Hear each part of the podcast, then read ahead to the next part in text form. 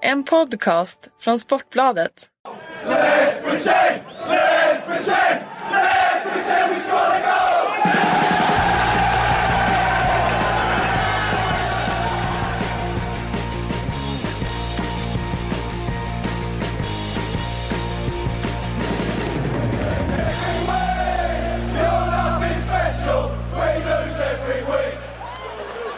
Då är det tisdag och vi hälsar välkomna till Sportbladet och Sportbladets Premier League-podd.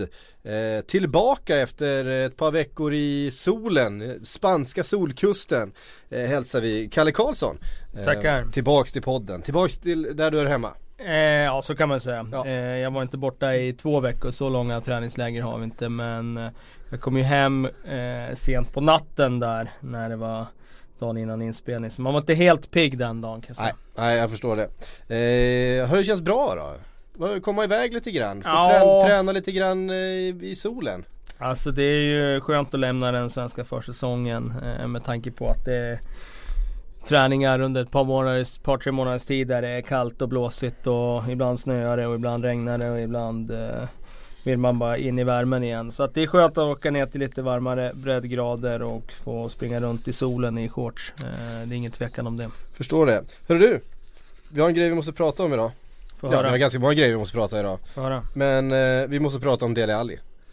Eh, det kan vi göra. Han fyller 21 idag. Eh, Ja idag till och med. Ja precis. Så vi, vi säger grattis till, eh, till Dele. Eh, och, Bami eh, som han heter. Bami Dele som han heter till och med. Eh, och konstaterar att han står på 16 gjorda mål den här säsongen från sin mittfältsposition.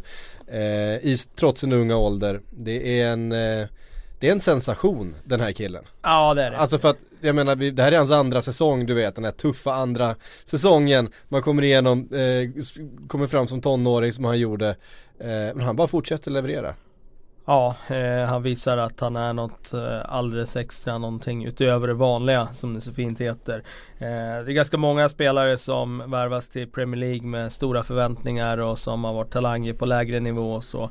Men det är ganska få som tar det där klivet och di- direkt etablerar sig i, i en startelva ens i Premier Mm. League. Eh, det är väldigt få som gör det och går direkt till att eh, mm, eh, spela till sig en plats i ett av topplagen. Ja. Det är ännu mer ovanligt att man gör det som han gjorde under sin debutsäsong. Att man inte bara tar en tröja i elvan utan man gör sådana avtryck så att man är en av Man är ligans Ja. eh, liksom framstående spelare i är den positionen. nyckelspelare i, i, alltså vad jag skulle säga är ligans ganska klart näst bästa lag. För någonstans den här säsongen så är det svårt att hävda att Chelsea är någonting annat än, lag, än ligans bästa lag. Men eh, nu är ju avståndet sånt faktiskt att Tottenham har lika långt ner till eh, fjärdeplatsen som de har upp till första platsen och eh, med tanke på hur det såg ut i helgen och hur det har sett ut de senaste matcherna där Harry Kane har varit borta, någonting som jag förstås har bekymrat många så är det, alltså Dele Alli kliver ju fram som, ja men som lagets stora, stora trygga stjärna. Vilket ju man inte kan säga om speciellt många andra spelare i hans ålder att de ska liksom ta det ansvaret. Nej och han gör eh, mål från mittfältsposition eh, säger du och visserligen är det ju en det är en annan position eh, att vara tia än att vara på de offensiva mittfältspositionerna som finns på ett eh, Kanske på ett eh, Chelsea mittfält på den tiden när Frank Lampard spelade där. Mm. Men det är ändå intressant att bara fundera och reflektera över att när Frank Lampard satte sina otroliga eh, målrekord i Chelsea år efter år för eh, liksom, han nådde en, eh, en total målskörd som vi trodde att ingen mittfältare kommer att nå hit. Ingen har gjort det.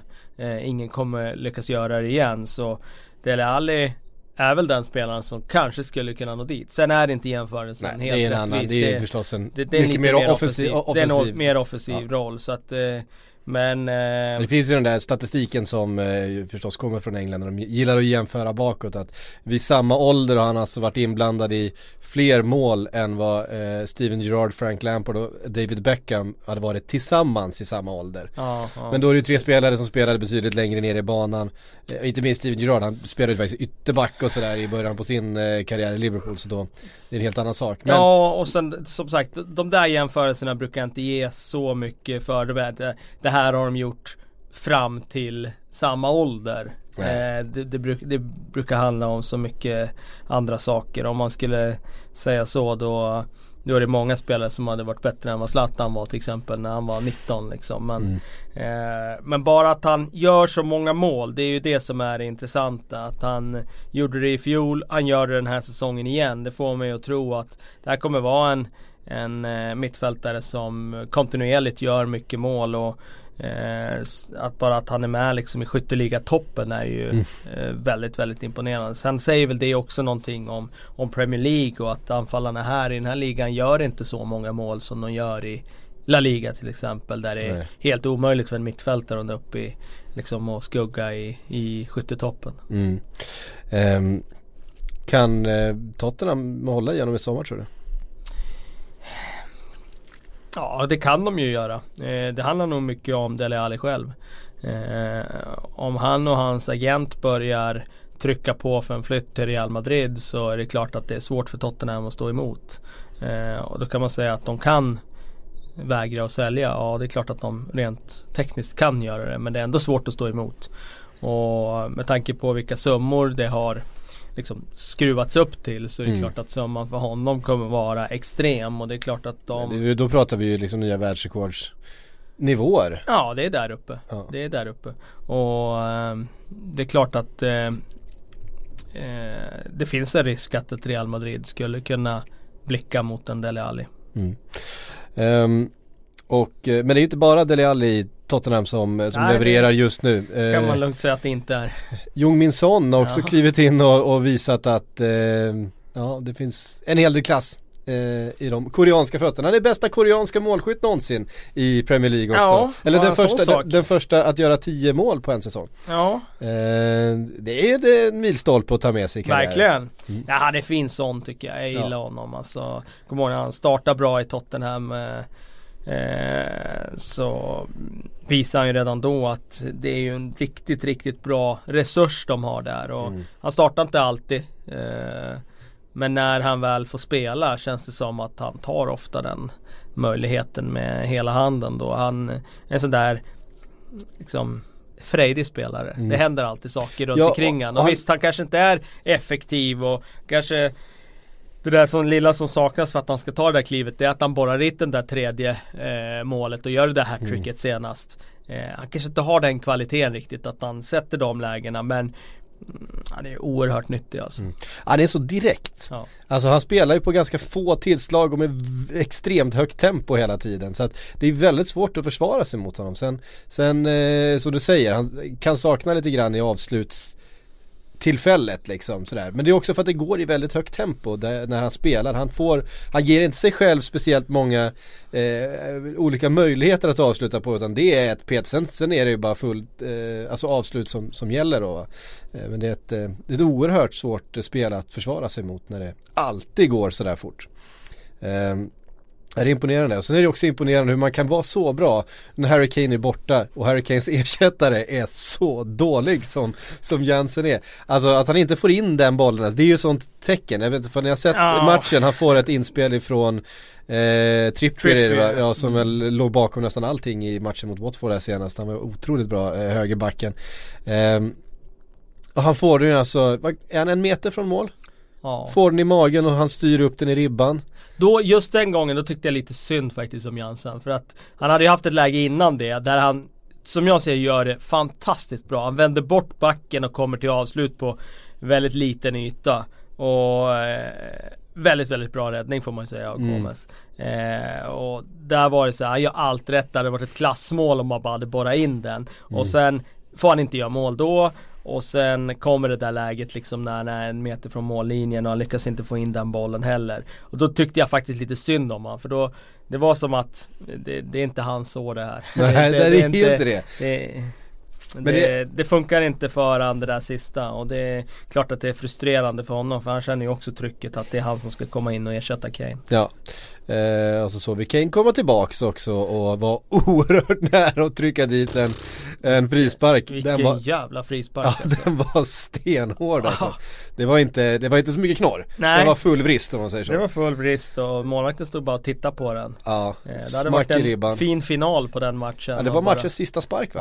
Ja, exakt. Och det hade Ehm. varit fint att borra in den ribban in såklart. Men, Ja det hade varit lite, det hade varit verkligen sådär att hej nu är jag tillbaks också. men eh, en sån här klar seger och sen eh, sparkapital i form av Kane. Det känns som att Tottenham, de, alltså jag kan inte minnas att eh, känslan kring Tottenham har varit bättre någon gång egentligen. Nej kan än inte vad jag de är nu. Nej. Den, eh, visst det var fantastiskt år där med Harry Harry, Houdini Ja, ja, och med van der Nej, och med Ja men liksom de hade ju ett Modric par, och ett par, sådär. ett par liksom lyckträffar i Modric, Absolut. van der Vaart som hittade Och Bale som kom fram då liksom. Men, ja. men här och nu, de känns ännu bättre som lag. Alltså Ja. det, de, de känns ännu stabilare, de liksom vänder matcher. De, de har blivit gäng vinnare på ett sätt som de aldrig har varit förut. I alla fall inte under min livstid. Då är vi tillbaka på Bill Nicholsons dagar liksom. Och, och nu ser man ju också att Pochettino har fått de här åren att bygga det här laget och att han har gjort det så oerhört bra. Där han ändå får vara i ett lag som inte blir sönderköpt som han var i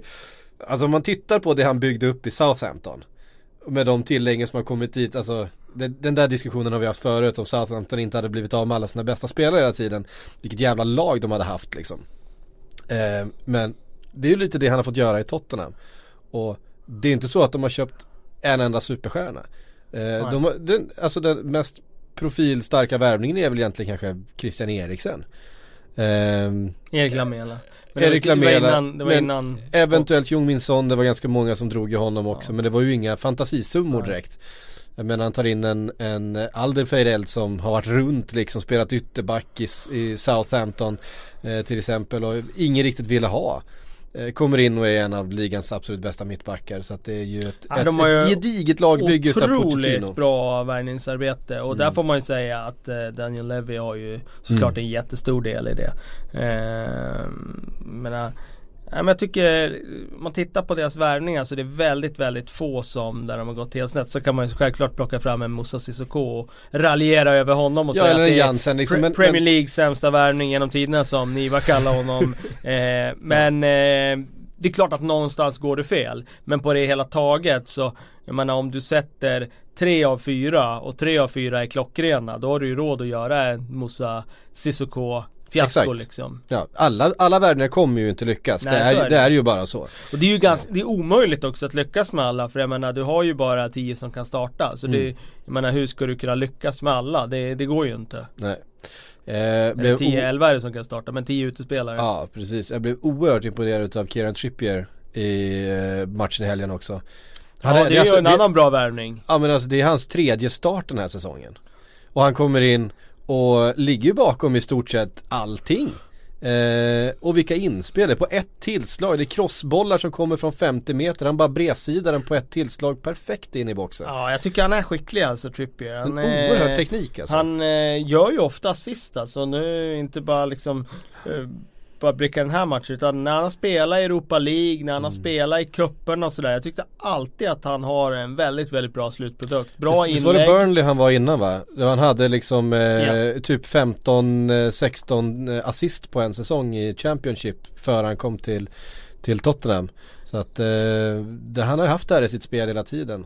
Han eh, är en sån där back som eh, Han kommer ha sina brister eh, defensivt och sådär Men offensivt så har han en spets som gör att eh, han skulle kunna sitta på bänken egentligen var som helst för att du, Mm. du har plats för en sån ytterback i ett läge där du behöver göra mål eller eh, liksom du behöver eh, bli mer offensiv. Ja men då är ju han alltid intressant för att han har den där ja, fantastiska kvaliteten just i den där leveransen. Så hur gammal är han? Man blir, får ju liksom Känslan är så här.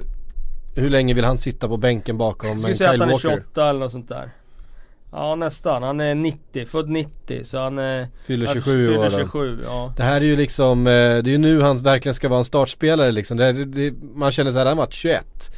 Så hade det varit en annan sak. Är man 27, ändå håller den nivån som man gör och har de, de siffrorna som man har.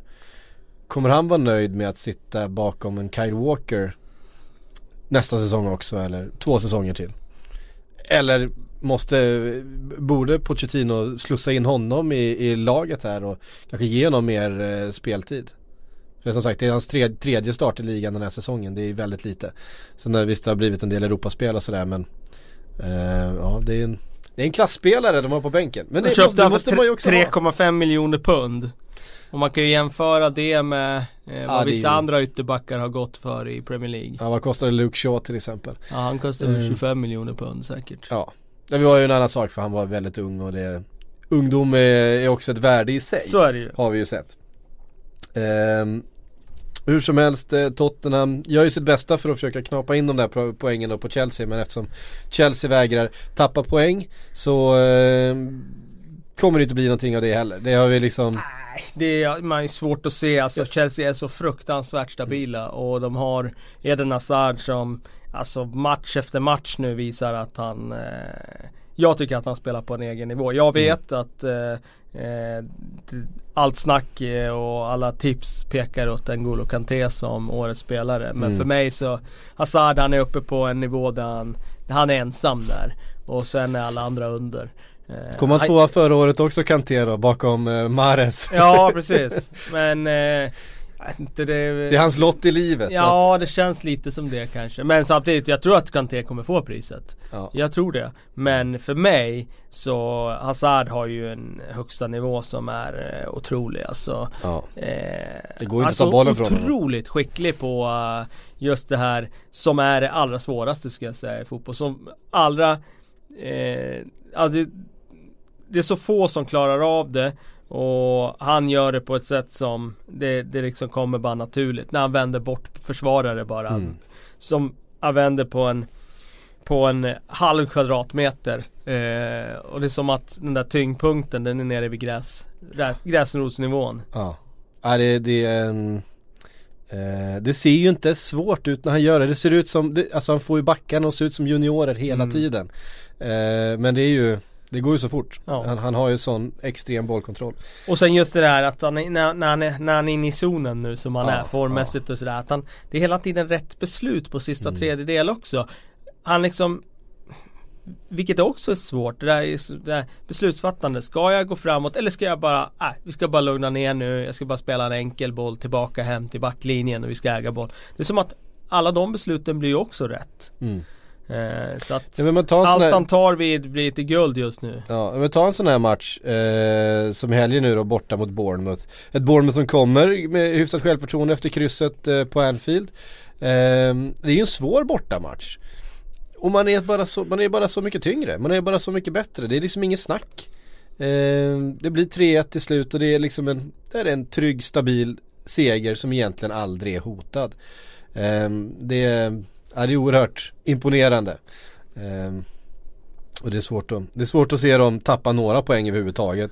Studsa bollarna lite deras väg också. Diego Costa är 1-0. Det är liksom Ja, inte precis. skicklighet utan det är lite flax. Ja, men det, men det ju bra men lag man- har ju, har har man ju det den där tryck- turen. Har man det där trycket och det där tempot framåt och att bollarna hela tiden rör sig mot rätt mål eh, Ja då kommer de ju studsa Rätt också ja. Ja precis, så är för det. jag menar Diego Costa är ju inte någon speciellt eh, formstark spelare just nu Han har haft det lite kämpigt senaste tiden med, eh, med bolltouchen och eh, sådär i, i boxen men Så länge det finns en Eden Hazard där bakom som gör det och en Pedro eh, Fabregas har väl rullat in en, eh, en och annan senaste veckorna här också vill jag minnas Ehm, Då har vi pratat om två utav helgens matcher men det känns som en liten elefant i rummet va? Nämligen matchen igår eh, Alltså det är, jag vet att vi har pratat mycket Arsenal eh, den här vintern, jag hela den här säsongen men framförallt den här vintern och, och våren men det blir ju omöjligt att inte eh, försöka, försöka hitta någon slags eh, Ja någon slags förklaring till det som, eh, som händer med Arsenal just nu. Man åker till Crystal Palace och får stryk med 3-0. Det är alltså fjärde raka bortamatchen man släpper in tre bollar. Det är två stycken, tre stycken 3-1 eh, förluster innan och så nu 3-0 mot ett Crystal Palace som ja, man bara såg bättre, vassare, alltså en, en Wilfried Zaha som ju är i hysterisk form han också. En Mamadou Sakho som stänger igen verkligen. Ehm, men Arsenal, vad ska de hitta på? Är det liksom Ja, det känns som att bryta luft- ihop och lu- komma igen nästa Ja säsong? men nästan så. Alltså det känns som luften har gått ur dem. Eh, och att det har gått ut på ett sätt som eh, ja, det loppet är kört. Mm. Alltså de kommer aldrig kunna hämta sig från, från det här. Sen får man sitta här med lång näsa om de lyckas greja den här fjärdeplatsen ändå. Men nu sa jag ju för eh, ett tag sedan att, att jag tror inte att de kommer ta den och eh, eh, det skulle förvåna mig väldigt, väldigt mycket om de reser sig från det här. Det känns som att Mm. hela eh, känslan runt klubben, runt laget, runt omklädningsrummet och spelargruppen är att det behövs en förändring. Och när den förändringen inte kommer och eh, när eh, de bara står just nu i kvicksanden och trampar sig djupare och djupare då känns det som att eh, det kan bli en riktigt tung avslutning på den här säsongen. Igår var de ju, alltså, de var inte där. Nej. Mentalt, fysiskt, tekniskt på något sätt. Sen är det såklart, man tittar på laget de skickar ut, det är inte någon imponerande elva på något sätt. Jag menar Martinez i mål, mittbackarna Mm. som är, eh, ja de är bra en gång var tionde match när Koscielny gör dem bra. Eh, Mm, Men nu var ju inte han med igår. nu var inte han med, vilket innebär att det blir eh, High Chaparral där bak. Mm. Eh, man Ja det var ju sånt bedrövligt central, försvars, central, alltså, så att central mitt så det, det, det håller inte heller. det. Eh, det finns en spelare och, och det är Alexis Sanchez och jag tycker han under första halvlek försöker. Och han gör väldigt, alltså det är väldigt mycket det kvalitet händer, händer i, mycket kring honom. i det kvalitet, ju. men det är väldigt mycket kvalitet i det Ja. han gör. Han sätter bollarna rätt, han slår inte bort någonting. Han blir inte av med bollen, han håller ifrån, han kan, du vet han är target och han är djupled och han är allting. Men det finns ju ingen annan, det finns ju Nej. ingen där som spelar med. Nej. Till och med Özil står och slår, slår bollar över sidlinjen från, alltså 20 meters passningar som han ska kunna sätta på snöret. De, de sätter han tre meter ifrån gubben. Ja, Eh, nej det Och det är klart att efter en sån första halvlek när Sanchez ändå känner att fan, han får mycket boll, han får ganska mycket uträttat ändå, han får in och han får några avslut och det är någon som stryker tätt utanför stolpen och sådär. Men det är ju bara han som gör det. Och det är klart att eh, ligger man under då och kommer ut i den andra halvleken då motivationen försvinner ju efter ett tag och sen var han ju väldigt osynlig i stora delar av, av matchen också. Jag tror inte det kommer komma fram nu. Eh, för att Wenger har så stark ställning i Arsenal och spelarna har eh, spelat under honom och de har eh, De känner mycket för honom även om eh, luften har börjat gått ur ballongen. Men jag tror att det kommer komma fram i efterhand när vi blickar tillbaka på den här säsongen att, att han tappade omklädningsrummet. Det, det känns ju så. Ja, jag tror det. Eh, Mm. För att eh, annars skulle de inte liksom sjunka till de här liksom bottennivåerna som de har varit i nu de senaste veckorna. Det, eh, de har så mycket mer att ge Arsenal. Eh, det är bara så sent som i höstas liksom då var det fans som i, drömde om liksom trippen ungefär. Mm. Eh, och sen till den här situationen nu där de liksom radar upp förluster. Eh, jag, jag, jag tror att Det är ju Spelarna- en väldigt frustrerad spe- Wenger på bänken också, man så är, det ser ju, det ju liksom. så är det ju. Spelarna känner att eh, det kommer att bli en Det måste till en förändring på ledarsidan oavsett vad de säger utåt. De känner att fansen vill ha det. Att Mm. alla runt klubben i princip vill ha det. Och att eh, den här säsongen är ja, i princip finito. Mm. Ivan Gazidis som är, vad, vad är han för någonting? Han är styrelseordförande kanske? VD va? VD kanske han är. Ehm, hade ju ett möte med fansen för ett par veckor sedan där han eh, liksom bedyrade att det skulle bli stora förändringar. Att det liksom, men går det ens att få till några stora förändringar så länge Arsene Wenger är kvar? Det här är ju hans lag. Allting är ju, allting är ju snickrat av honom. Han är ju den enda i Arsenals ledning som är en footballman så att säga. Eh, I grund och botten, jag menar. Nej jag tror att det är svårt. Jag tror att det är väldigt väldigt svårt. Eh, han har ju såklart sin bild av hur eh, saker och ting har funkat i 20 år när han har varit där. Att han då plötsligt skulle sätta sig på en stol och ha en football director ovanför han som säger att exakt så här ska du göra och så här, exakt så här ska vi arbeta nu. Jag kan inte se det eh, ske. Utan jag tror att eh, ehm, jag har ju hela tiden trott att Wenger ska gå och jag Mm.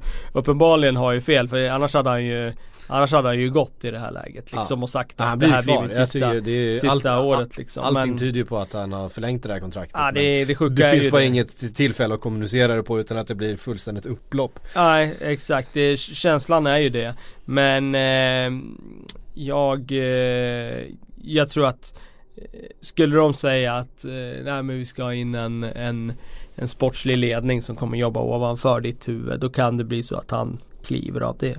Mm. Men samtidigt, jag menar jag tror att han ska kliva eh, under hela den här säsongen efter det här Mm. spelåret. Men han har inte gjort det än. Han har inte visat, visat något liksom, eh, intresse för att göra det heller. Vi får se. Om, om, du skulle välja, om du skulle välja fem spelare i, eh, i dagens Arsenal som du skulle bygga en ny trupp kring. Eh, och då får vi nästan ta i beaktande att eh, Sanchez antagligen kommer lämna eh, redan i sommar. Eh, han har ett år kvar på kontraktet bara i, i, sommar och har ju vägrat skriva på. Özil i samma situation. Ja. Men om man skulle räkna bort de två då? Vilka skulle du bygga den nya Arsenal kring?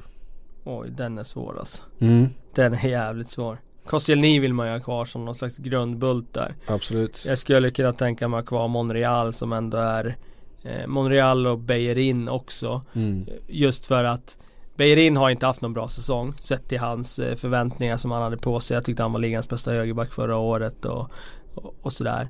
Men Hittar du en bättre högerback på marknaden, den åldern, de egenskaperna så nej, det tror jag inte du gör. Nej. Så att eh, de tre skulle jag vilja ha kvar. Och sen vet det fan offensivt sådär vilka eh, Vilka man skulle vilja behålla alltså. Det är inte många.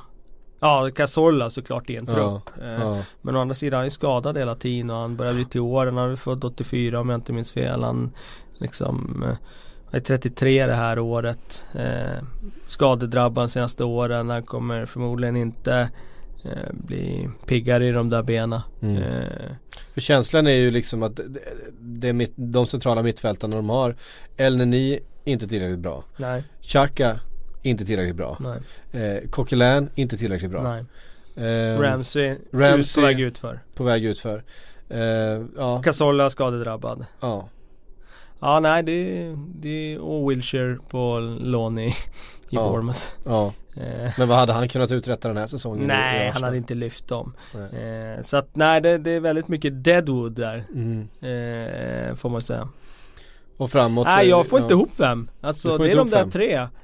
Eh, sen är det klart att en, en, eh, en Peter Check kan man ju ha kvar i en, i en trupp Mm. också. Och sen har man ett eller två, det är ju, ja. Men eh, jag hade kunnat förlängt med honom absolut. Så det är Mm. fyra då. Mm.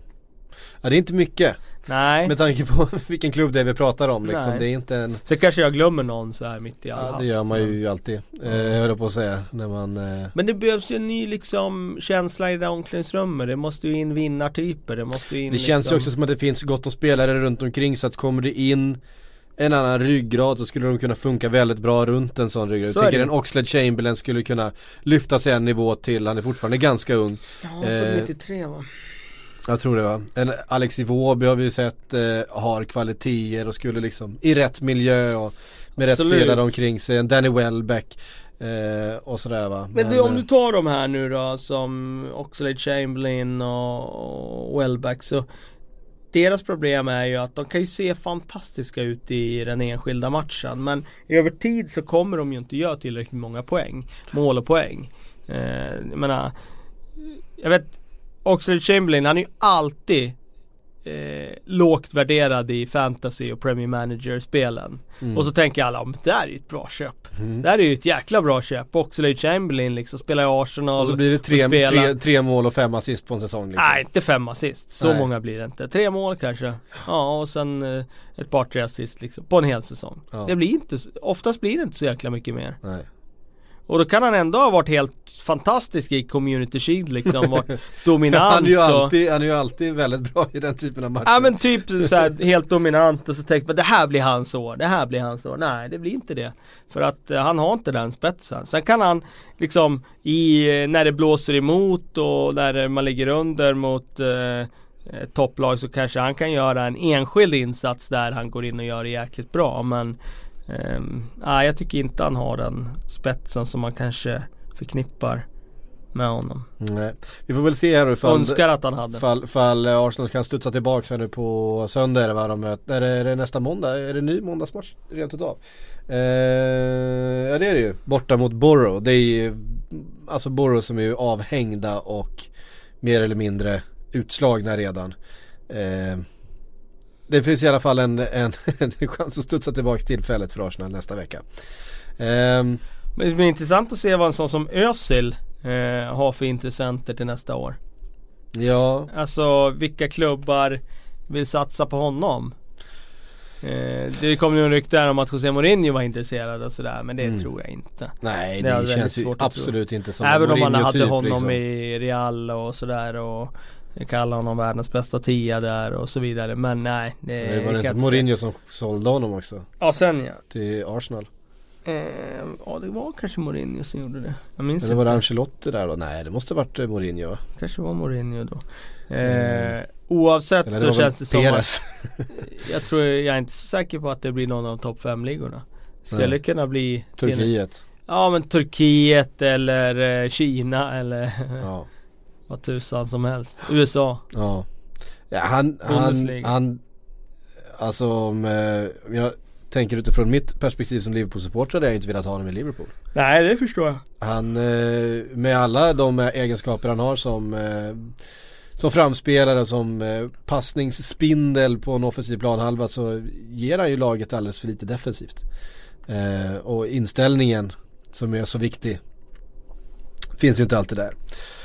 Um, vi har fått jättemycket frågor, det kommer säkert komma tillbaka till Arsenal lite längre fram här för det känns som eh, 80% av alla frågor som kom in rörde dem. Um, får jag nämna eh, Manchester City slog Hall. Ett ganska formstarkt Hall ändå. De kunde, orkade inte hänga med när Manchester City eh, trummade igång på hemmaplan. 3-1 och eh, ja, det var väl en, jag vet inte hur mycket mer man ska säga om det men en, en stabil seger. Eh, lite mindre stabilt var det i Stoke där Liverpool då skulle också hänga på i den där jävla märkliga elvan tog ut eh, Jürgen Klopp. Det är ju hyfsade skadebekymmer eh, i den där truppen. Där eh, Adam Lallana, Jordan Henderson och så blev då Coutinho magsjuk i förra veckan så han hade ju tydligen gått ner tre kilo tydligen. Eh, och eh, Roberto Firmino kändes sliten och det gav en elva med Trent Alexander-Arnold och, och, och Ben Woodburn och det, det höll ju inte riktigt eh, i första halvlek där eh, Ja jag vet inte ifall, jag hade Liverpool ett enda skott mot mål. Det var Nej, med det nöd och ju- näppe man höll ihop en eh, 0-1, ett 0-1 underläge. Det var en patetisk insats före paus. Ja. Eh, det var ju en insats som jag tror fick blodet att rusa hos dig. Eh, det var ju känslan att man nästan slänger bort det här fina läget man har nu. Mm. Eh, eller att man i alla fall är beredd att slänga bort det. Ja. Eh, men Man sen, spelat väldigt högt spel. Ja, man spelar ett väldigt högt spel och sen, jag menar jag har all förståelse för just att spelare behöver vila och att, Ja. eh, jag menar det är klart att han inte åker dit och ställer den elvan på benen eh, i ett läge där han inte behöver det. Nej. Självklart så fanns det orsaker till det. Det säger ju någonting ändå om, om eh, Morenos status i truppen just nu. Att han inte ens tar, tar plats som en, som en wingback till vänster när han måste trycka in Milner centralt. Och, alltså om det är någonting som, som Moreno skulle kunna klara av så är det väl en wingback eh, roll. Eh, han är liksom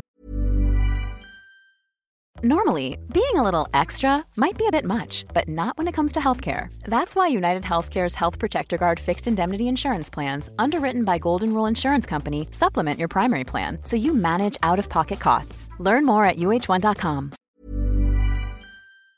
Ja, Kan- det, det, kan- det, det är faktiskt den rollen som skulle passa han allra bäst. Istället så skickar han över Klein då som har spelat högerback i hela sitt liv. Han kan inte ha Eh, något förtroende alls för. Nej, han måste ju ha, han måste ju Och det måste ha vara noll verkligen. noll verkligen ja.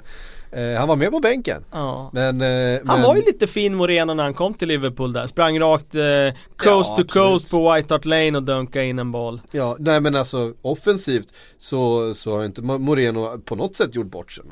Även Ja, haft men pigga, han- pigga inhopp den Men här det säsongen är den där offensivt. defensiven kommer ju han alltid slappna av och göra de där misstagen som Ja. kostar sitt lag. Alltså Ja. det går inte att träna bort. Alltså, Alltså, han, det, han, han, har ju också svag idi- defensivt. idiotbesluten då han kommer med Alltså ja, mest klassiska var ju förra säsongen i Europa League där Liverpool har 1-1 borta mot Dortmund och det är liksom eh, ja, vi måste bara bevaka det här. Det här är ju perfekt utgångsläge. Och så är det 20 minuter kvar av matchen i offensiv hörnflagga. Så, står, så är bollen och eh, försvararen har precis samlat upp den. Då kommer Moreno i full fart med dobbarna i knähöjd och, och missar honom som tur var. Men det ska ju vara rött kort liksom. Hade han träffat honom hade han kunnat bryta benen på honom. Alltså det, Mm. det beslutet är så märkligt så jag tror att Jürgen Klopp har, han litar helt enkelt inte på, på honom. Han, han, att han ska göra det han blir tillsagd. Nej. Eh, så är det ju. Men eh, Coutinho och Firmino byttes in tillsammans med Daniel Sturridge efter en liten stund också. Då blev ju matchbilden en helt annan. Eh, Stoke lyckades inte hänga med och det blev tre väldigt viktiga poäng tror jag för Liverpool. Eh, I den där, för nu håller man ju ändå stången och nu förlorar Arsenal igen så att det känns ju nästan som att det är nio poäng ner nu även med trots att, eller Arsenal har två matcher mindre spelade så är det de där nio poängen är, ser ganska mycket ut i tabellen. Jag tror det sätter sig mentalt också att man känner att man är på rätt ställe eh, i Liverpool. Ehm, just det, vi får säga någonting om eh, Sunderland United också. Sunderland har, jag vet inte, Sunderland kommer inte ta fler poäng den här säsongen. Jag kan, jag, jag kan inte se det hända. Ja, det finns en Eh. De står på 20 poäng eh, just nu då på, på 31 spelade matcher. Och, jag vet inte, jag tror kanske att det skulle kunna stanna där. Eh, De, de ser helt bedrövliga ut. Men känslan med Sunderland var ju redan inför den här säsongen att fansen De egna fansen har ju själva känt att Vi har klarat kontraktet År Mm. efter år när vi inte borde ha gjort det. Vi har inte Ja. varit förtjänta egentligen av att ha gjort det. Visst, en tabell ljuger inte och så vidare. De har fått in spelare som har lyft laget De har och levt på någon slags har- konstgjord andning. Ja, det har när de varit liksom konstgjord sådär- andning. Ja. Och man kan inte säga, jag vet vi fick den här frågan till podden här för ett tag sedan. Man kan inte säga att, att det är bra att åka ur. Alltså det, det kan inte vara bra att åka ur och gå miste om alla de här intäkterna och Nej. sådär. Men just i Sunderlands fall så vette tusan om det inte behövs en rejäl nystart i den klubben. Det känns Alltså- som det behöver ett, det känns som det behöver en 3-4 säsonger i Championship för att bygga om det här. Och, Bygga om det helt Ja. och ta ny sats liksom. För att det känns som att de har stått och trampat vatten och har levt på konstgjord andning i, i många år nu. Mm. Och nej, det, nu är de ju begravda där i botten och jag, jag har ju eh, Jag har sagt att jag tror att de åker ur och att jag inte heller kommer sakna dem så himla mycket i Premier League faktiskt. För att det har varit ett väldigt beige gäng ja. de senaste åren, tycker jag. Ja, det har varit några, några fullständigt bedrövliga insatser. Eh, de senaste säsongerna. Profillös Det är- lag också. Ja, alltså det är ju verkligen. klart att Defoe har eh, lyst upp tillvaron lite Mm. här och där med sin uppenbarelse och Lamin Kone kom in och gjorde det bra liksom i Ja, jag, jag, jag pratade med en kille för någon vecka sedan. Jag tror att Lamin Kone har en utköpsklausul som säger att åker de ur så får han lämna. för så mycket sämre som han blev efter att de hängde kvar. När han insåg att shit det var inte bra för mig det. Nu är jag kvar i det här jävla skitlaget. ja, det, Han har inte varit så proffsig om man säger så Nej, det, han, så bra som han var när han kom in. Ja, jo Ja, han var ju, alltså det, Men det var ju liksom- tack vare han de klarade sig förra året Exakt. Så, så var det ju Och då jag tror någonstans där under sommaren tänkte han, oh shit. Nu, nu får jag inte bryta mitt kontrakt. Ja. Tänk om vi hade åkt ut, då hade jag ju Jag var liksom tvungen, kunnat tvungen att åka ur nu då Eh, ja precis, så kanske Kone kan hamna i en bättre klubb för det tycker jag han förtjänar om han kan komma tillbaks till den här nivån igen. Eh, jag måste säga det var ett ganska hårt rött kort på Sebastian Larsson eller? Ja, det var det Det var ju liksom, eh, ja, ja, får väl United-supportrarna på oss om det eh, Det var ju många som sa, hade det varit Marcos Rojo som hade gjort sådär då hade alla skrikit rött. Eh, men ja, ja, så kanske det jag vet inte. Eh, klassmål av Zlatan.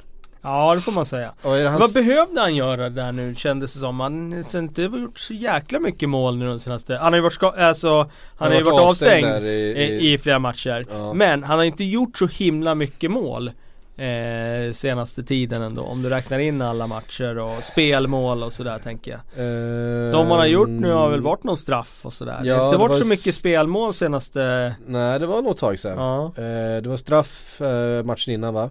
Och sen så var det det här målet som var jättefint. Eh, när han med ryggen mot mål vände runt Ja, och, och, och ja, det var ju bort klass. Men det är det, jag var ju menar, han hans- behöver ju göra lite avtryck nu för att inte hans eh, liksom säsong bara ska bli så att det bara Mm. också bara pyser ut till att ja visst han var bra i höstas men han tappade i slutet och sådär. Han behöver han ju var väldigt bra i göra den här matchen överhuvudtaget. Nu är det ju som svårt att Svårt att bedöma eftersom motståndet var så blekt som det var och de dessutom spelar med 10 man eh, stora delar utav matchen. Så att, jag menar ett Sunderland som redan är så underlägset på alla positioner och dessutom får en utav, ja men sin kanske mest rutinerade centrala mittfältare som han ju spelade, Sebastian Larsson Ja. Utvisad i det läget och det är klart att det finns ingenting kvar i laget utan det blev ju en promenadseger för, för United men Zlatan var väldigt bra. Han, Fälla in i kapten. Ja, det, det blev ju en diskussion. Ja. Eh, det är ju eh, Mycket ska man uppleva här my- i världen. my- mycket ska man få vara var med väl- om men M- Marouane Fellaini eh, lagkapten i Manchester United. Ja, det är ju Jag tror det är många Jag tycker det Busby skaver babes lite som faktiskt. vrider sig i sin grav när de ser det här. Alltså ja, det, precis. det, nej, det, det, det ska ju inte finnas alltså. Jag är väldigt förvånad över att Ander Herrera inte fick eh, kaptensbindeln. Men han är Ja, ändå en, spel, ja. en spelare som Varför fick inte. Zlatan den? Jag vet inte, det är första säsongen man får, ja. Jo, men, Men, det är var liksom, han är ju, om det är någon som är kaptensmaterial i den där truppen så är ju Zlatan en, en kapten om man säger Ja. Nej men om man tittar på den elvan som startar så ser jag ju Jag ser ju eh, Zlatan Herrera, jag ser Mm. Pogba och Mm. jag ser Bailly som självklara kaptener före Fellaini. så. Mm. Men Ja. ja. men de är hundraprocentiga med Fellaini som kapten. ja, det går inte att säga något annat om det. Sen så är frågan om de kan möta Sunderland varje vecka. Får han Eh, behålla binden nu tills de, eh, tills de inte vinner längre tror jag. ja det är frågan. Eh, ska se vilka av dem eh, nästa gång då? De har väl eh, Chelsea va? Ja, är det så? Jag tror att det är precis, det är Chelsea på Old Trafford på söndag. Ja, den är Eh, bra. Ja, den blir tung Den blir tung. eh, faktiskt. För eh, mm, det blir tufft för United tror jag. Eh, förstås, eftersom Chelsea är som de är. Ehm, vi har fått in asmycket frågor så att det är väl bara att vi eh, dun- Pepprar. dundrar igång va. Ehm, Gustav Karlsson undrar just om eh, Chelsea mot United på söndag. Fortsätter Contes vinstsvit mot Mourinho och gör Kanté mål ännu en gång. Han brukar göra mål mot eh, Manchester United Kanté. Ja, ja, då svarar jag att eh, vinstvitten fortsätter inte. Nej, Eh, och Kanté gör inte mål. nej. En ren gissning. Ja, Bara känsla taget från luften. Jag tror att eh, motivationen här kommer, hemmaplan såklart, Mm. motivationen i och med att de krigar Alltså om kom ihåg att eh. United har Europa League på torsdag. Det har de, det har de och det är klart att det är en jättebra möjlighet för dem att nå Champions League men samtidigt så har de ju lite häng på fjärdeplatsen ändå. Mm. Så att eh, jag tror att de får med sig ett kryss från den där matchen i alla fall. Manchester United just nu då på 57 poäng. Eh, fyra poäng bakom City med en match mindre spelad. Eh, då sex poäng bakom Liverpool med två matcher mindre spelade. Så att det är ju, vinner man de där två hängmatcherna så, så är man ju uppe i kapp. Eh, Jocke Eriksson undrar, eh, ta ut ett stafettlag 4 gånger 400 meter i Premier League. Eh, platsar Sané eller är han, är han för explosiv? Andra krav på muskelsammansättning på 400 versus 100 meter. Alltså 400 meter, då tänker ju jag en Gareth Bale liksom. Ja, Det är han, är, han är 400 bra meters typ, 400 liksom. meters typ ja. Det Så vi, vilka sådana har vi i Premier League idag? Bale är ju en bra 100 meters typ också. Ja det är klart. Men han är ju definitivt som du säger en 400 meters typ. Eh, Och du frågan var, det är ju liksom en del ytterbackar, alltså en Kyle Walker kanske? Ja absolut. han är ju också en sprinteraktig så. Mané skulle man ju inte ta. Han är ju mer explosiv Nej, liksom. Han är ju mer absolut. 100 meter. Ja, man Eller behöver, 60 till och med. ja. Men det är många spelare i, i fotbollen som är mer 60 än 100 Men om vi tar 400 meter då, så Bale spelar ju inte i Premier League Så det är ju Nej, svårt att ta, ta honom så Mm. Ehm, Men om man ska hitta en urtyp sådär bara. Ja, Ehm, det finns några som, alltså man vill ju ha, det, det krävs ju kondis på det Ja. på ett annat sätt va. Eh, men en, eh, en Victor Moses då? Ja. Antonio Valencia, Victor Moses, Ja, alltså det tror 400 jag. meter. De håller nog i 400 meter, tror det, jag. det är tror bra, jag. Bra, bra flås på båda två också. Ja, jag tror det alltså. Så jag jag Ahmed El Mohammadi till exempel. Ja det är bra det, flås på honom. det är en bra flås på honom. Ja absolut. Eh, skulle jag kunna se. Jag skulle kunna se en sån som eh, Richie Delat. Eh, Ja. Nu är inte han kvar i Leicester väl? Jag tror inte Eh, han är det alltså. Bra fråga. Nej jag tror inte han är det alltså. Han var ju Han är ju jävligt löpstark alltså. Nej, han spelar fast Aston Villa nu. Mm. Ehm, tyvärr. Så det var, skulle ju vara Premier League också, eller hur? Mm. Mm. Ja. Annars hade jag velat, Richie Delat hade jag velat ha där. eh, en sån som eh, N'Golo Kanté är ju en bra 400 meter. Det är ju en eh, löpstark, men har han, har han högsta fart då? Ja det tycker jag han har. Det tycker jag han har. Ja. Jag skulle, ja, jag var lite lite inne på en, på där- en Coleman också var lite kul i där med- Everton. Ja Coleman, absolut. Ja. Absolut Coleman. Ja. Coleman, Kanté, Antonio Valencia och Victor Moses. Är det ett bra Det känns som en 400, Ja. 400 meters eh, eh, stafettlag? Ja. Ja. Ja, det var lite kul där. Sky Sports hade ju Ranieri i studion igår. Mhm. Och eh, då snackade de om där, han, eh, första matcherna i fjol där, där han skulle börja spela med Kanté, då spelade han som vänstermittfältare i 4-4-2 ju. Jaha. Det började så. Eh, och sen, eh, för han hade liksom eh, känt att ah, han, är för, han är för bra på träningarna för att vara utanför laget. Men var kan jag få in han någonstans? Var kan Mm. Ja, jag få in han? Precis. började han Ja. som vänstermittfältare ett par matcher. Och sen kom han ju in och spela centralt. Och den, sen För att han de hade ju precis eh, värvat eh, Nu tappar jag ju namnet, Gökan Inler Exakt! Hade de ju faktiskt, eh, han satt ju på bänken hela förra, vilket är helt sinnessjukt Ja.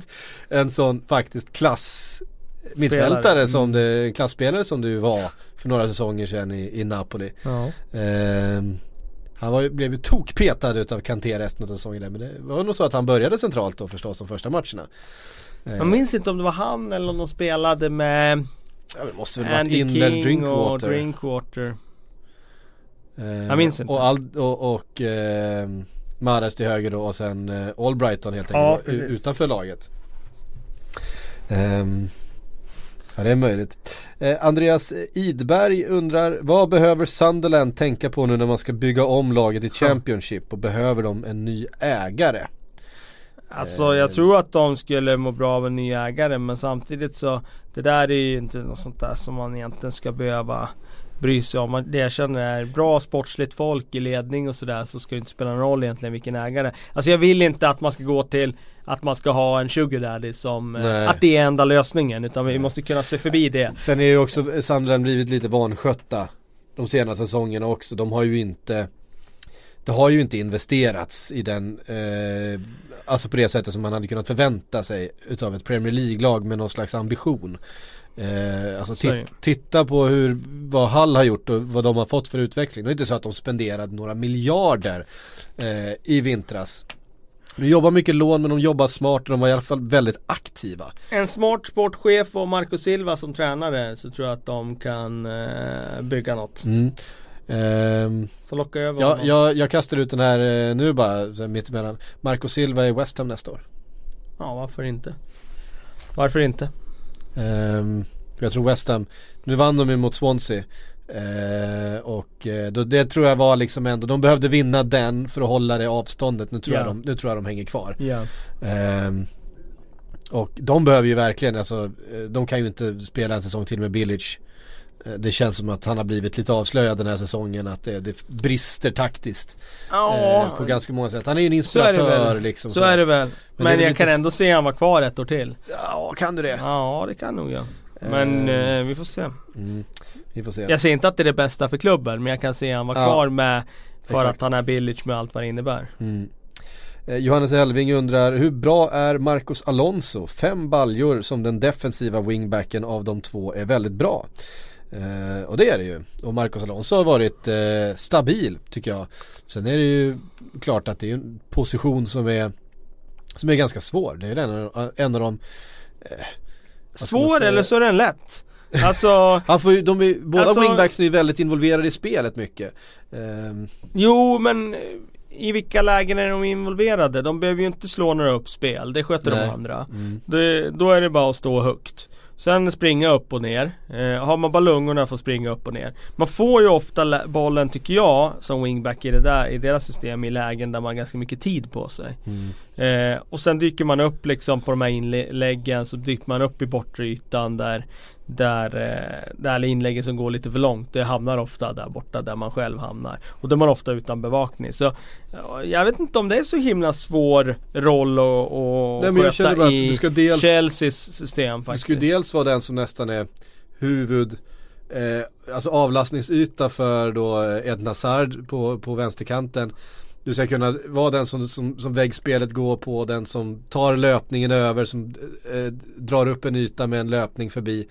Eh, Och samtidigt ska du med hem hela vägen och, och, och täcka upp på din kant. Men det är ju inte det, Ja du ska hem absolut. Men det är ju inte hela världen Om du inte är hemma. För då Då, då blir ju bara finns ju en Cahill där. Ja det finns Cahill där och täcker upp liksom. Så att eh, ja, jag, jag vet inte, det är klart att det krävs sina lungor eh, Att sköta den rollen Men eh, Jag köper inte att den rollen ska vara så himla svår igen som spel Har du bara de där lungorna då tror jag att det är ganska behändig roll Hur ratear du Marcos Alonsos eh, säsong då? är väldigt bra, väldigt bra. Eh, jag skulle säga fyra av fem. Eh, för att han har ju inte liksom blivit någon match där man har känt att det här är någon säkerhetsrisk bakåt på något sätt eller så. Det är klart att han eh, också åtnjuter skyddet av Kanté och skyddet av Cahill och Louise och det här försvaret som funkar så bra. Men ja, jag tycker han är bra. Eh, jag tycker inte han har blivit bräcklig en mot en defensivt eller sådär. Och han offensivt har han gjort sina mål och han har bidragit och nej. Jag tycker också en spelare som har hamnat eh, lite grann i skuggan den här säsongen men som har varit väldigt, väldigt bra är ju Matic. Som ju gör en kanonsäsong bredvid Kanté. Alltså de två tillsammans eh, fungerar ju oerhört bra. Ja det gör de. Det gör Eh, de. det är ju två spelare som, som tänker fotboll eh, på en väldigt hög nivå känns det Vinner som. Mycket de, boll. Vinner jättemycket, de läser spelet väldigt bra, de läser ju motståndarnas eh, uppspel hela tiden, de är ju alltid där. Det är ju det som, hur ofta ser man någon av dem ligga för långt ifrån sin gubbe? Eh, alltså Kanté vet vi ju med de, den löpstyrkan han har och ytorna han täcker. Matters täcker ju inte ytor på samma sätt men han är ju väldigt sällan fel i position. Eh, pratas lite för lite om Matters den här säsongen, kan jag tycka. Ja nej men det, det köper jag. Köper Mm. jag. Eh, Gustav Karlsson undrar, vem spenderar mest i sommar? Klopp, Conte, Mourinho eller Pep? Pep. jag skulle också tro det. Jag tror Pep. Eh, det är ju, Det är en trupp som ska byggas om. ja, Jag tror att han eh, känner efter det här året att han kommer behöva lägga väldigt mycket pengar för att få ordning på det här. Eh, klubben kommer stå bakom honom i det. Så att jag tror att de kommer lasta ut enorma summor. Nej, de behöver ju uppgradera sitt centrala mittfält till exempel och det är inte det billigaste som finns. Det sjuka är ju med, tycker jag med Manchesterklubbarna, tar både City och United, det är att de har lagt så jäkla mycket pengar de senaste åren och ändå har det inte blivit någon ordning på dem. Nej. Nej men man jämför med, med, eh, eh, med Tottenham till exempel som vi pratade om innan. Har ju inte lagt i närheten de pengarna. Eh, men de har å andra sidan kunnat utveckla spelare på ett sätt som ingen av Manchesterklubbarna verkar ha. ha var, jag vet inte om de har vilja att göra det. Det har de väl säkert men de har i alla fall inte lyckats göra det. Ehm, men eh, ja, det är klart det ska in en målvakt till Manchester City kan vi tänka oss. Eh, eller är han nöjd? Det kan han ju inte vara. Jag menar, Nej det kan han inte vara. Alltså det, Nu- jag tycker väl sig Caballero att liksom. Caballero har gjort det okej och liksom, Ja. jag tycker han skötte till och med spelet med fötterna bättre än vad Bravo gjorde. mm, Eh, och det är ju bra. Eh, men eh, det är klart att de måste ha in en klassmålvakt där. de behöver in försvarare. De behöver in ytterbackar och centrala backar. Eh, de behöver ha in centrala mittfältare. Eh, Ja, det enda de inte behöver det är ju forwards de, behöver in, de behöver inga, inga offensiva mittfältare. Nej. Eh, men eventuellt så försvinner ju Agüero i sommar också. Ehm, Ja, då har de ju Jesus och Ianacho. Det är ändå Ja, ganska bra. Det det är, är klart att de måste in en till forward men de Mm. behöver kanske inte leta efter Ja, de kanske inte behöver ge sig in och börja, börja buda på en eh, Lewandowski, Griezmann liksom. Nej det behöver de inte göra. Ja i och för sig det finns väl ingen Finns väl ingen, inget som säger att de inte skulle göra, få plats för honom där framme. Nej, jag tyckte det var en jätterolig, eh, eh, var det goal.com eller något sånt som hade en, en rubrik. Där det stod så här Barcelona, Real Madrid, Manchester United, Manchester City och eh, Chelsea are all eh, scouting eh, eh, Antoine Griezmann. Man bara, åh fan. Du nämnde precis de, så här, de sex största klubbarna i världen och den hetaste spelaren i världen. Det var, det var en nyhet som hette duga det. Ja. Efter Pep då, eh, man kan ju tänka sig att Mourinho har lite, han måste Han kommer inte att ligga på latsidan. Han, Han bruk, ska nu bygga om en hel del där också. han är ju den som eh, av tradition är den som köper mest. Den, Ja, det är det. den, den managern i världen som har spenderat Absolut. i särklass mest pengar de senaste tio åren. Eh, Pep, är inte, Pep är väl tvåa på den listan tror jag. Ehm, ev- eventuellt om Ancelotti var där också. Ehm, Men det är de som har de stora klubbarna liksom, så ja, är det ju. det är de som har de stora pengarna. Eh, Conte tror jag är rätt nöjd. Jag tror att Conte, det är alltså det handlar snarare om att bredda en trupp för att klara ett Europaspel. förfina, förfina och bredda. Ja. Och eventuellt då om eh, Real Madrid går in och betalar en miljard för Eden Hazard som det ju pratas om. Just det. Då ska ju han ersättas. Eh, vi kommer väl, jag tror det var en fråga som eh, rörde det som vi tar lite längre fram här va? Eller ska vi kasta in den nu på en gång? Eh, nu hittar jag inte mina papper så jag vet inte vem det var som ställde den men han ville eh, ha en eh, eh, ja en Alexis Sanchez, vart hamnar han i sommar? Vart hamnar en Eden Hazard och vart hamnar en Griezmann? Det var de tre spelarna och man kan tänka sig att eh, Börjar de här stora spelarna, de här stora pengarna röra på sig i sommar som vi pratas om Då brukar de ju haka i lite grann i varandra de här eh, affärerna. Eh, Och man skulle kunna tänka sig, jag lanserade på Twitter och fick oerhört mycket mothugg av Arsenal-supportrar att, att eh, Alexis Sanchez eh, skulle kunna vara en ersättare till Eden Hazard i Chelsea. Eh, Och att Arsenal-supportrarna menade då att de skulle aldrig sälja till Chelsea. Att Okej. det, det fanns inte på kartan. Jag är inte helt säker på det. Eh, han, har Nej, ett, jag han, han har ett år kvar på kontraktet. Eh, De kan få liksom en halv miljard för honom För en spelare med ett år kvar på kontraktet Han vill själv stanna i London Det har han uttryckligen sagt att han, han vill nå till Chelsea Mm. eh, Och känna att han vill vara med I det projektet i Champions League och så vidare nästa säsong Ehm, Och det är klart att han skulle ju rakt kunna ersätta Eden Hazard på samma position Ja det hade han kunnat gjort och han hade kunnat varit bra men han hade inte Ja. kunnat varit Hazard bra. Nej, han hade tillfört någonting annat kanske eh, Det är lite, lite, inte riktigt samma spelartyp Nej. Men, men ehm, kanske lite fler mål Men ehm, inte riktigt samma vad ska Nej inte spets, nej inte finess och elegans och inte samma en mot en styrka. För det är ingen som har. Nej, det är Inte i så. Premier League. Nej. Ehm, och sen är det då vart, vad händer då med Griezmann? Ehm, ja, det får vi väl se. Det är väl Jag tror Griezmann är klar för Manchester United. Eh, jag tror att, eh, jag tror att det blir så. Du tror att det blir så? Jag tror att de lägger os, oh, hiskeligt mycket pengar på honom. Ja, det, det, det är ju vad det kostar. Ja. Han är dyr. Och då är frågan då, vi har fått en fråga från Jakob Sigurdsson. Vilken storklubb hade Lukaku platsat i? Ehm, som också hade kunnat vara potentiellt intresserad och i behov av honom. Han eh, menar på Arsenal. Eh, Ja, då är det klart. Det är klart att han hade varit ett hyfsat tillskott för den klubben. Ja, det har varit ett tillskott i typ alla klubbar där uppe i Ja, toppen. 23 mål står han på nu. Chelsea släpper väl Diego Costa i sommar. Ja. Ja, där hade han ju passat. ja, det kan man ju. Arsenal, där hade han ju passat. Mm. Man kan ju inte säga att han inte hade passat i Manchester United. Ja, där hade kunnat passat också om du tar bort Zlatan och det, men det är Ja, ingen precis. garanti att han är kvar. Så, och får de möjligheten att signa Lukaku, då tror jag då, då skiter de i Zlatan. Mm. Tror jag. Han Men- är så pass bra så att då skulle de skita i honom. Den här tanken då? Lukaku till Atletico Madrid? Om Ja, de det tappar tror jag Griezmann. inte. Det tror jag inte. Du tror inte det? Nej. Du tror han vill stanna i England? Ja, jag tror inte han vill gå till Atletico Madrid. Ehm, två mål till i helgen. Eh, Ever- Everton körde ju över Leicester kan man säga. Leicester var, visst det var en galen första halvlek med fem mål. Ehm, men eh, Everton var klart mycket bättre. Det kändes som, det kändes som Everton var, var redan i, i, eh, atlet, eller i, i kvartsfinalen där i Champions League som de ska spela i, imorgon. Ja, I, det I tankarna. fanns nog en sån aspekt. Ja. Ehm, Vi ska reda ut, Magnus Andersson undrar, reda ut Europaplatserna, vi har väl gjort det någon gång tidigare tror jag. Vad händer med fjärdeplatsen om Leicester då mot förmodan vinner Champions League och Manchester United vinner Europa League? Då rycker de den va? Ja, då rycker de fjärdeplatsen. Ehm, om, men då måste båda de här två sakerna hända.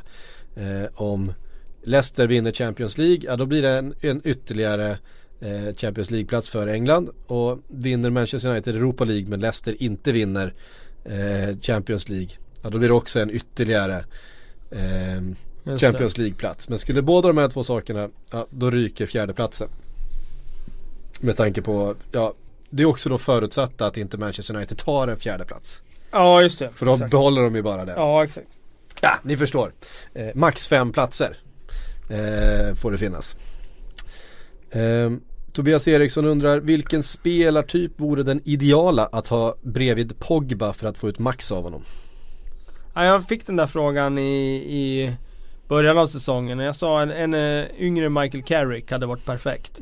Positionssäker, kan täcka upp bakom. Eh, passningsskicklig så han kan liksom förstå vad Pogba tänker runt omkring. Men ändå defensivt lagd så att han liksom fladdrar inte iväg till kanterna och lämnar hela mitten öppen.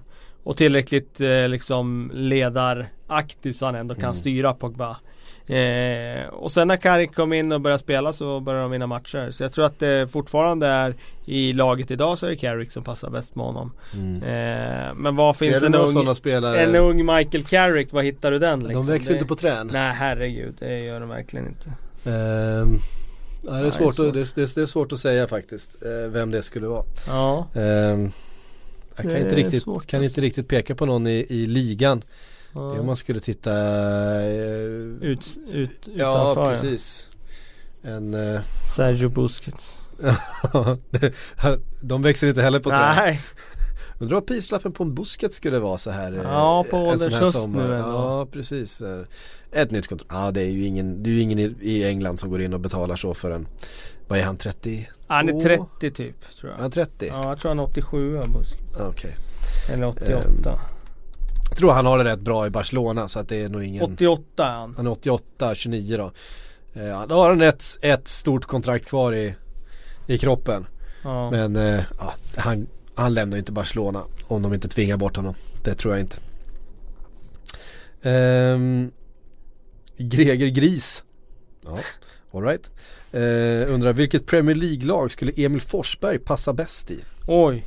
Han skulle ju passa bra i många lag alltså. Jag tycker att det viktigaste för Emil Forsberg är att han hamnar i ett lag där han får vara den här centralfiguren. För att han måste ha mycket boll.